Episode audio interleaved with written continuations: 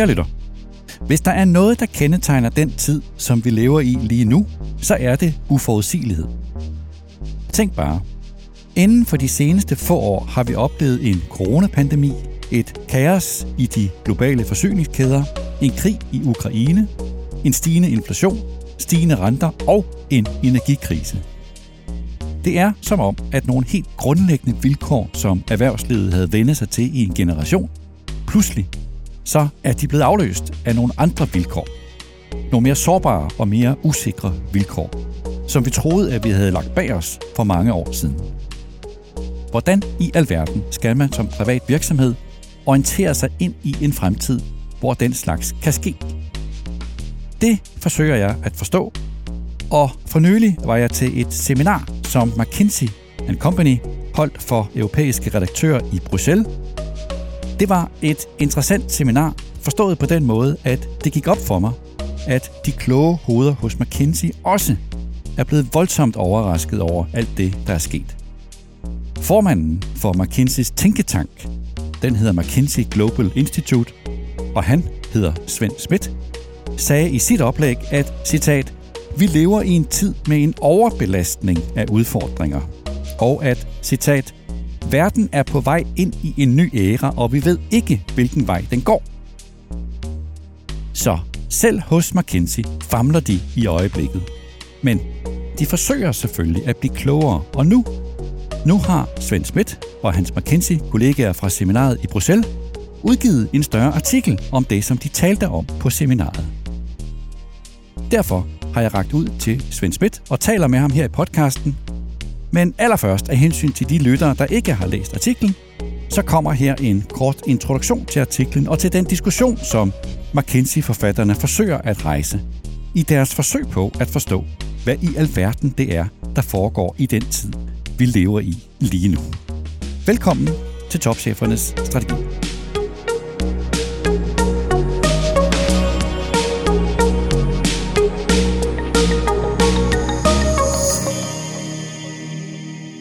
Artiklen fra McKinsey hedder On the Cusp of a New Era, og den kan findes på mckinsey.com. Jeg læser artiklen sådan, at den grundlæggende er et forsøg på at forstå, hvad det er, der foregår. Forfatterne forsøger ikke, de har formentlig helt opgivet det, at give et bud på, hvor verden er på vej hen. Det er der simpelthen ingen, der kan i øjeblikket. I stedet så forsøger artiklens forfattere at lave et bud på en slags framework, som de kalder det. Artiklen handler om to temaer. For det første, så ser McKinsey-forfatterne efterkrigstiden som en række af store begivenheder, som de kalder seismiske begivenheder. Den første seismiske begivenhed var afslutningen af den anden verdenskrig, hvor man blandt andet med Marshallhjælpen skabte grundlaget for en periode med vækst. Den anden seismiske begivenhed var oliekrisen, i starten af 1970'erne, som man efterhånden kom ud af, og som også blev afløst af vækst. Den tredje seismiske begivenhed var afslutningen af den kolde krig og Kinas åbning over for Vesten, og som også skabte grundlag for en periode med vækst. Og nu, nu har vi endnu en seismisk begivenhed, altså den fjerde, med krigen i Ukraine, med coronapandemien, med inflation og med Kinas nye rolle med mindre vækst. Og det store spørgsmål er, ifølge McKinsey, om vi endnu en gang kan håbe, at vi vil opleve, at sådan en seismisk begivenhed afløses af en periode med vækst. Det fører så til artiklens andet tema. Og her gennemgår forfatterne fem dagsordner, fem dagsordner, som er deres bud på en slags nøgle til at forstå, hvad der vil afgøre fremtiden, og hvilke spørgsmål, som er de vigtigste, at man stiller sig selv. Den første af de fem dagsordner kalder de for verdensordenen, at verden er på vej til at blive multipolær og mere regional. Og vores spørgsmål er, om vi som den ene yderlighed vil se en gradvis ændring til en multipolær verden, hvor blokke vil have kontrol med deres energi og deres mikrochips, og så alligevel samarbejder globalt, eller om vi vil se som den anden yderlighed, at der vil blive klart mindre globalt samarbejde og flere geopolitiske konflikter. Den anden dagsorden er teknologiplatformene, at teknologi, især kunstig intelligens, vil få en afgørende betydning også i sikkerhedspolitik. Og hvor et spørgsmål blandt mange er, hvordan omstillingen til en mere digital fremtid vil foregå, også for eksempel når det gælder antallet og indretningen af arbejdspladser. Den tredje dagsorden er demografien. At vi bliver ældre, at vi flytter ind mod byerne, og at ulighed inden for nationer vil udfordre sammenhængskraften. Og vores spørgsmål er, hvordan vil vi, for eksempel vores kapital og vores institutioner, reagere i forhold til en stigende ulighed? Den fjerde dagsorden er energi og ressourcer. At vores investeringer i energi får svært ved at følge med vores behov for energi. Og vores spørgsmål er, hvordan vil vi nå målene i den grønne omstilling, og hvordan vil det foregå mellem dem, der har de nødvendige ressourcer, og dem, der ikke har.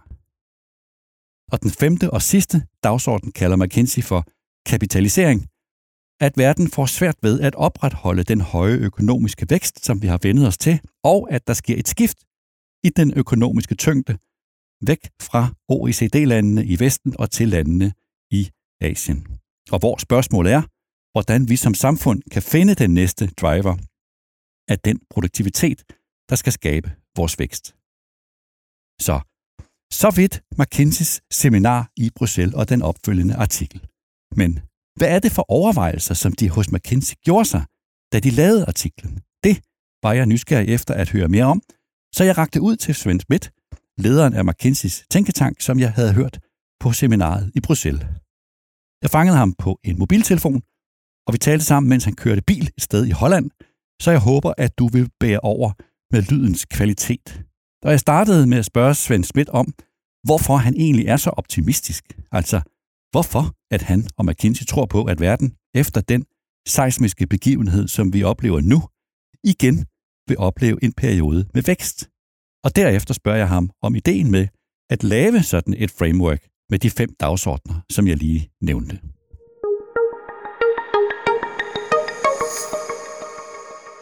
I believe uh, completely that uh, it is possible, and I think more likely than not, that if you take a hundred years view, that we will have a similar amount of progress than we had in the last hundred years in that hundred years in the last hundred years, we had some of these seismic events like uh, World War II, the oil crisis, and so on.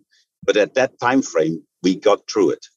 Um, the reason why we bring up this thought of that we might be at the cusp of a new era is that we might be at the moment where we don't fully know what that next driver of progress is and how it all comes together across geopolitics, energy, climate, uh, demographics, and so on.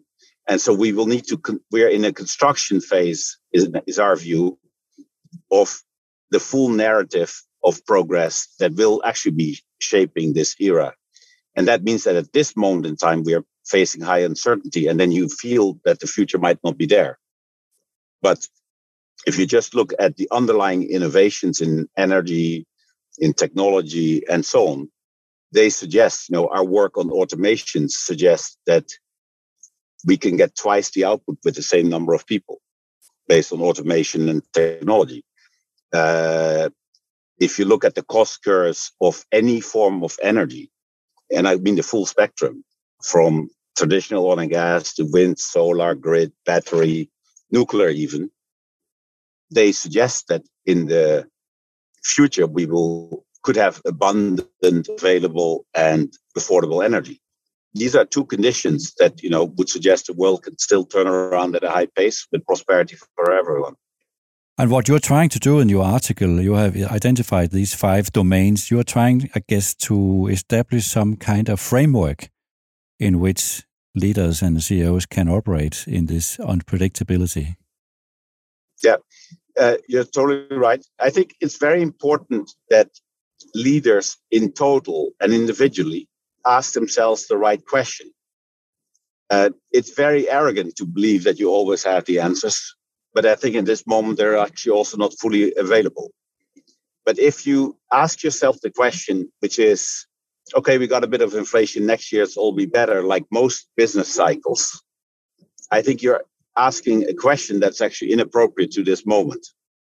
If you ask yourself the question across these five domains, how will they shape up to a new narrative of a 100 year of progress, but also that how we will we need to make steps in the next decade to get there, you're actually asking the right question. And that's exactly what you mean with the word framework, uh, because a framework is nothing else than a texture to a question.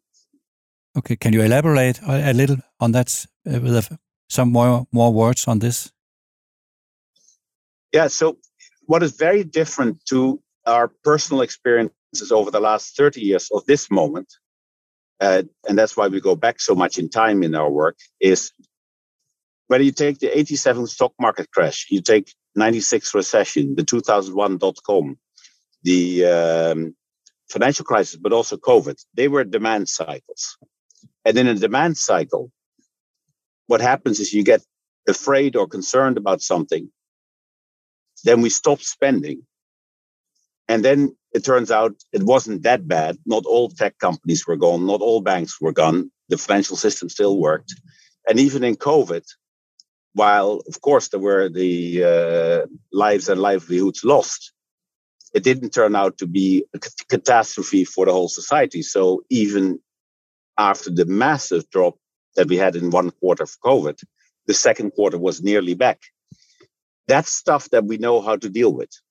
You know, it happens, and in two or three quarters, the resolution gets found and we move.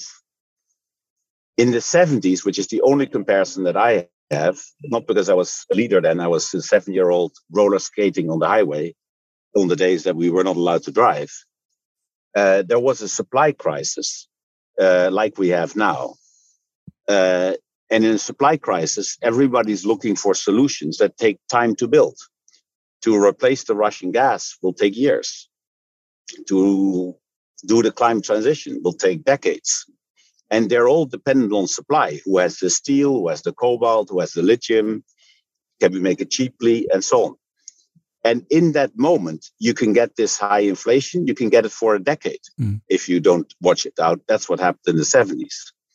And so, if we think about it that way, that our benchmark is to not have a decade of high inflation and a decade of energy and material and food shortage. Uh, and we need to solve for that. We're actually solving a very different question than all these other cycles that we went through.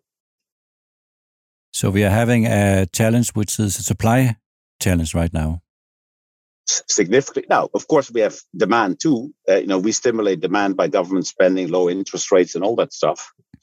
But at the moment, the reality is what we saw in COVID is people want to buy more product, but at some point there's no supply. There's no semiconductors, there's no cobalt, there's no lithium, and so on. Prices go up. But it's not because people don't want to buy that the prices go up, it's because they do like to increase their prosperity but the supply can't keep up.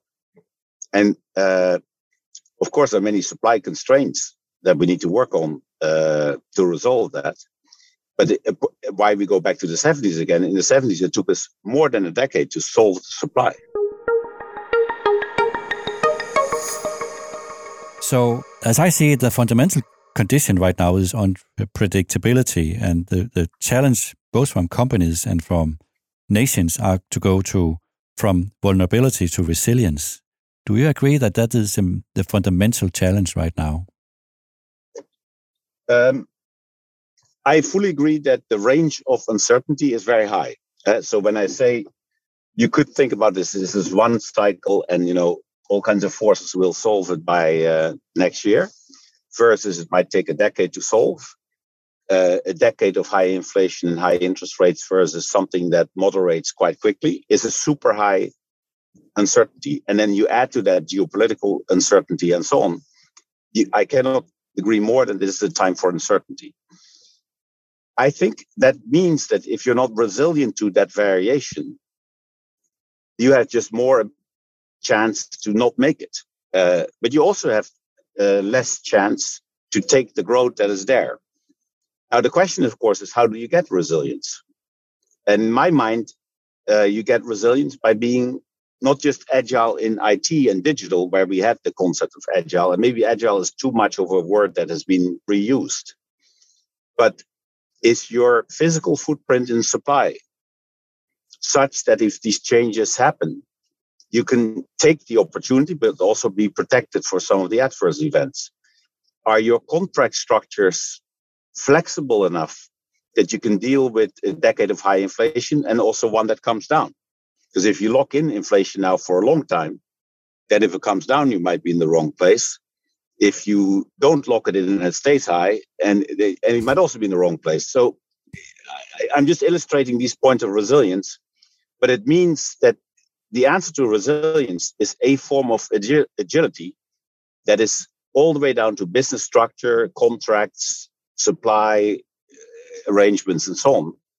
And that's a pretty fundamental relook of how companies operate. By the way, societies, it's not just companies, actually. Mm. So, what would you advise? What is what are the most important priorities right now for a CEO in a, in the short term?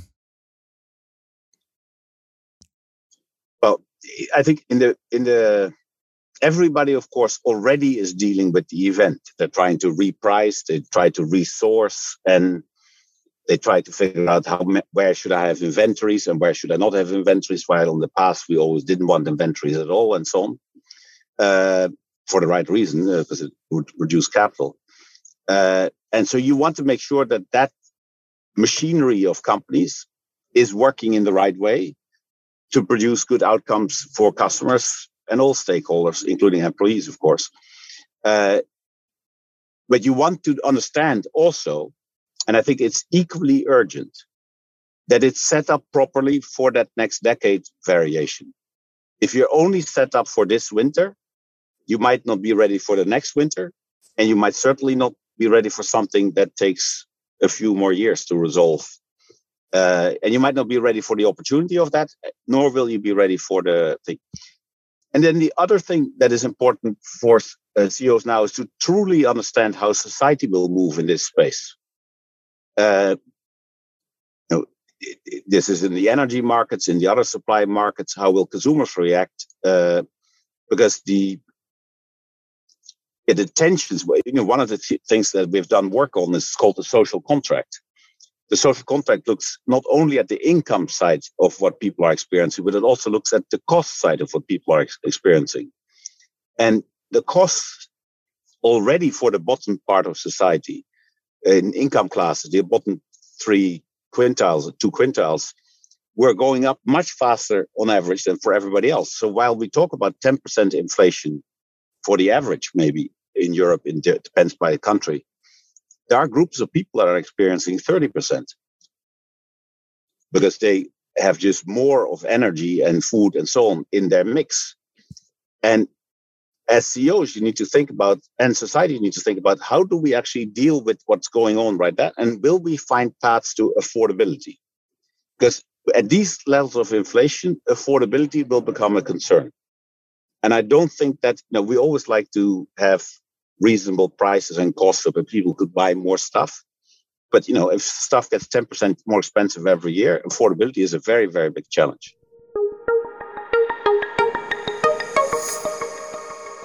You said earlier this that it's very important for CEOs to ask the right questions. Can you elaborate a little on that? What questions would you say are the most important to ask yourself right now as a CEO? Yeah. yeah. So the first at the highest level, inconsistent consistent with the article, is is my company ready for this winter, next winter, and the next era? Ready in terms of resilience from a risk perspective, but also in terms of being able to grow and find opportunity in that mind. I would say that is the first question. Then, of course, in any company, you want to know whether your people are on board with that. So that's the second question. You know, is are my people understanding the context so that they are ready to act and not melt down when another uh, things and they they actually at the individual level resilient, if you want, to the events that come around to them. And then you can go to much detail of resilience. You know, how are my contracts uh, and so on. But a bigger question is also how will what I be do, do as a company be judged in the current societal environment? Yeah, um, maybe some things that we thought were not good will be viewed as good again. But also stuff that we felt was really good might not be viewed as good again because we are just in a slightly different moment. And these reframes will be very big. And you need to be ready for that if that, that's going to happen to you. That leads me for my theme number three, because in this in this environment, which is also, I guess, political environment, do the present CEOs have the right capabilities to to navigate in this new environment? I, I would say, you know, in general, I'm very optimistic about the intrinsics of all CEOs. Yeah, uh, I mean, I'm sure there's variance, but what I'm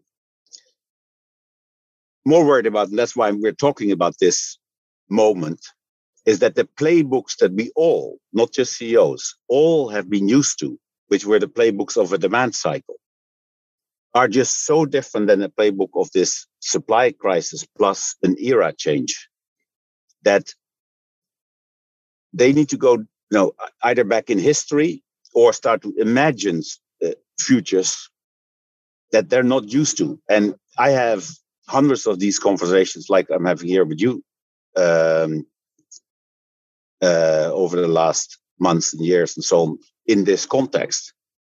And i can see internalizing something that's very different than what you were used to is of course what ceos every day do. And if you look at it COVID was to me a nice test. COVID was, I think, very big, very new. And for a moment, we were all the rabbit in the headlights. But then quite quickly, we mobilized on probably the most important things. We can all be unhappy about the duration of the lockdowns and this and that. But the reality is digital advanced and we found a way to meet. We actually found a way to spend. E-commerce was important to that. Uh, and we found a way to live. I think the we are still learning how you could have loyalty in a company and camaraderie and so on, which our work shows uh, that is complicated in these times. So we're still learning all the aftermaths of this big shock. But I think it's that kind of size of action that might be needed again.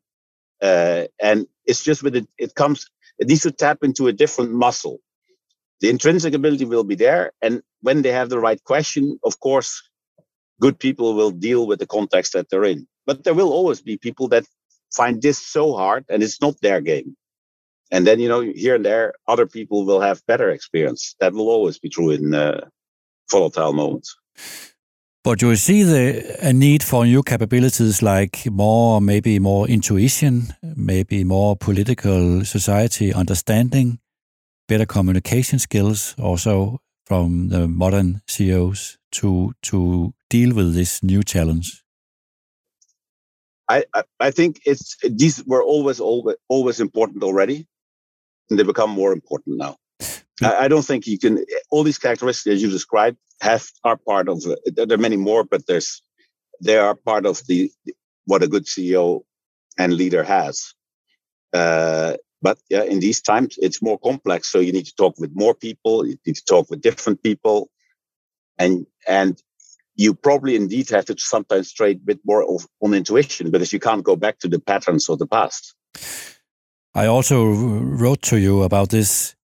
I call them the ethical issues. I think are coming up on the uh, CEO agenda. Um, you have to deal with some very difficult issues like diversity and should we stay in China and uh, should COVID 19 vaccine be mandatory in my company? Issues like that.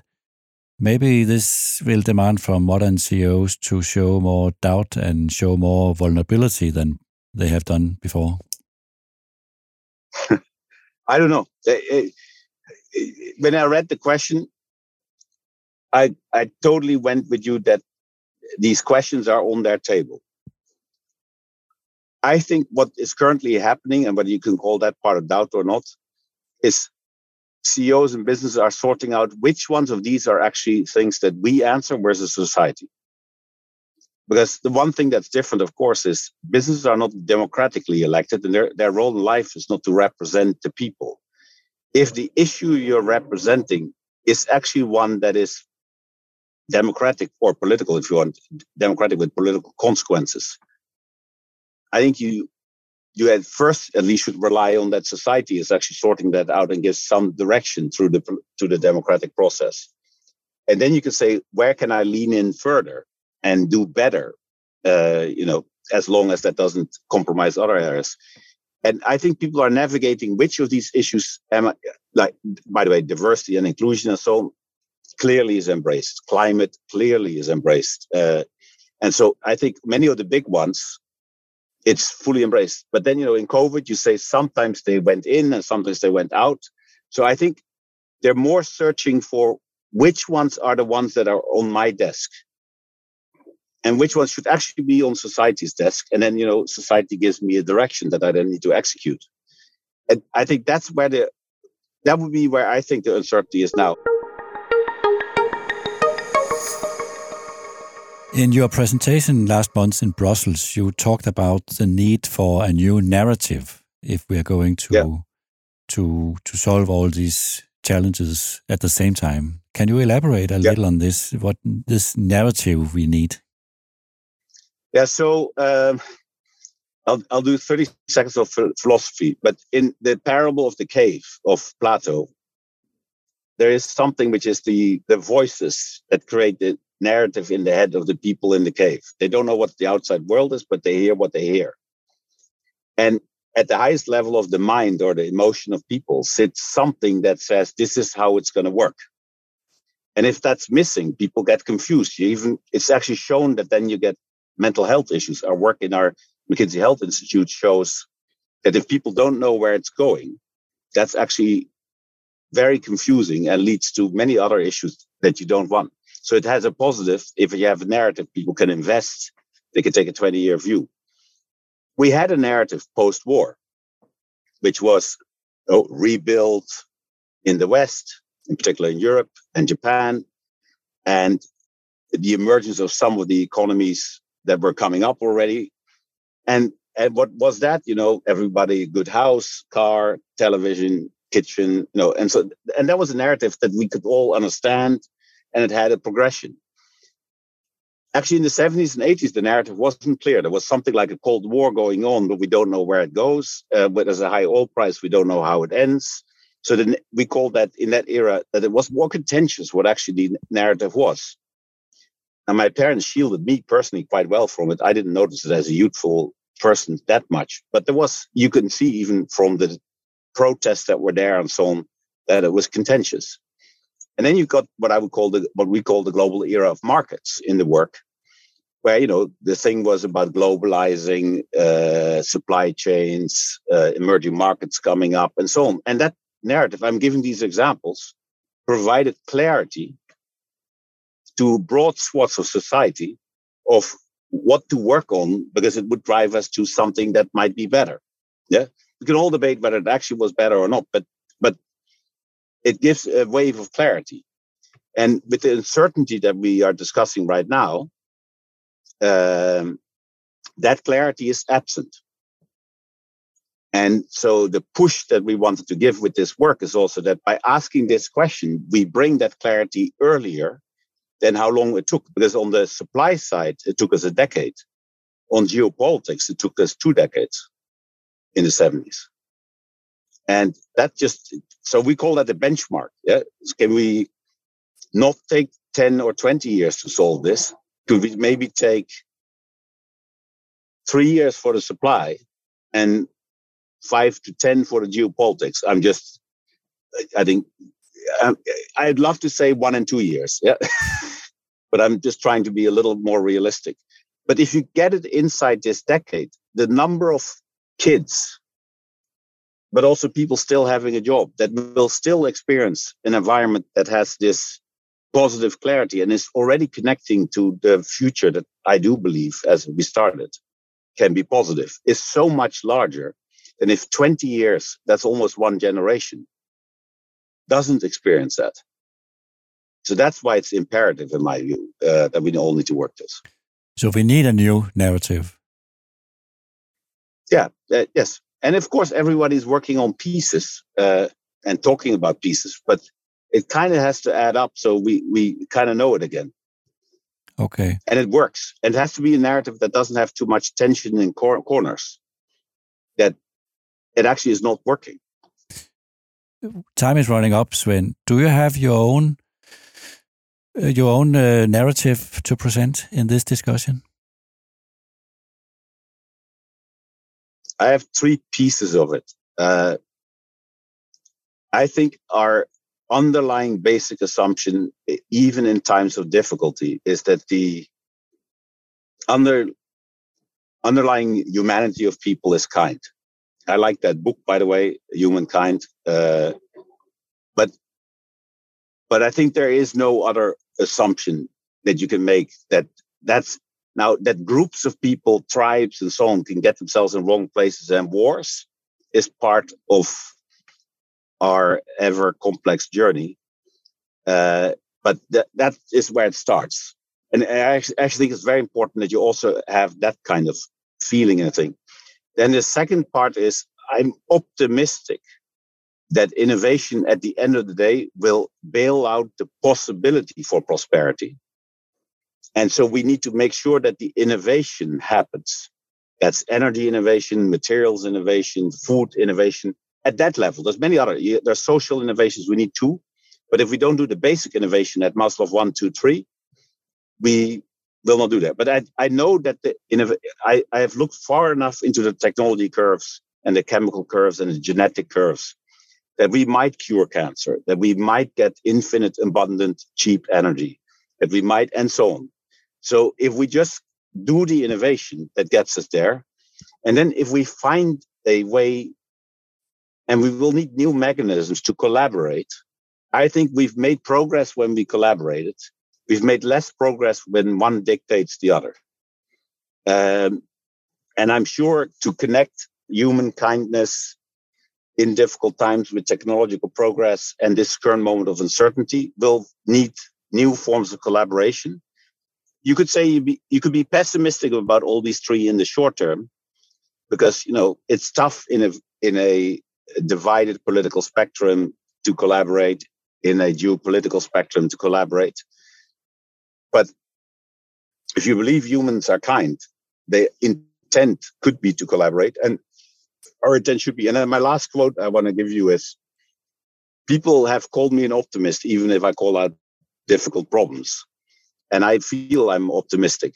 Uh, there's a good quote from David S. Landes that you might know, but he basically said, The optimists have it, not because they're always right, but with optimism, you keep trying. And in the trying, you actually might find the, find the answer. And if you direct the trying to the right question, that's not what he said, but that's what I believe.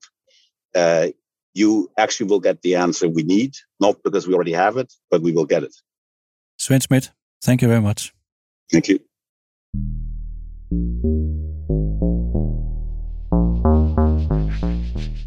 Det var denne udgave af Topchefernes Strategi. Et forsøg på at blive klogere på, hvordan de i erhvervslivet er søgende i den her tid. At alle er overrasket over det, der sker, og at i hvert fald Svend Schmidt og Tænketanken hos McKinsey først er ved at forstå, hvilke spørgsmål, som man bør stille sig selv som leder, som virksomhed og som samfund, før at man kan begynde at finde frem til svarene. I en tid, hvor ledere af private virksomheder må se sig selv i en ny sammenhæng, en samfundsmæssig sammenhæng, og hvor McKinseys bud på en slags værktøj eller måske et kompas, det er de fem dagsordner, som de mener ser ud til at blive afgørende for fremtidens vilkår. For det første verdensorden, at verden er på vej til at blive mere multipolær og mere regional. For det andet teknologiplatformene, at teknologi, især kunstig intelligens, vil få en afgørende betydning. Mange steder, også i sikkerhedspolitik. For det tredje demografien, at vi bliver ældre, at vi flytter ind mod byerne, og at ulighed inden for nationer vil udfordre sammenhængskraften. For det fjerde energi og ressourcer, at vores investeringer i energi får svært ved at følge med vores behov for energi. og også udfordringen med den grønne omstilling. Og for det femte, kapitalisering, at verden får svært ved at opretholde den høje økonomiske vækst, som vi har vendet os til, og at der sker et skift i den økonomiske tyngde fra OECD-landene i Vesten og til landene i Asien. Og med afsæt i de fem dagsordener, og med afsæt i de spørgsmål, som de fem dagsordener rejser, og som jeg nævnte i indledningen, at forsøge at finde et nyt narrativ, en ny fortælling, som vi alle sammen, både virksomheder og samfund, kan samles om. Fordi det var det, der lykkedes for verden tilbage i de tre første seismiske begivenheder, som Svend Schmidt har talt om og skrevet om, at det lykkedes at trække verden igennem dem og skabe ny vækst. Tak til Peter Emil Witt, der redigerede udsendelsen. Tak til Svend Schmidt, leder af McKinsey Global Institute. Tak til Nike Bøjer og til Dina Meng, begge fra McKinsey. Og tak til dig, der lyttede med.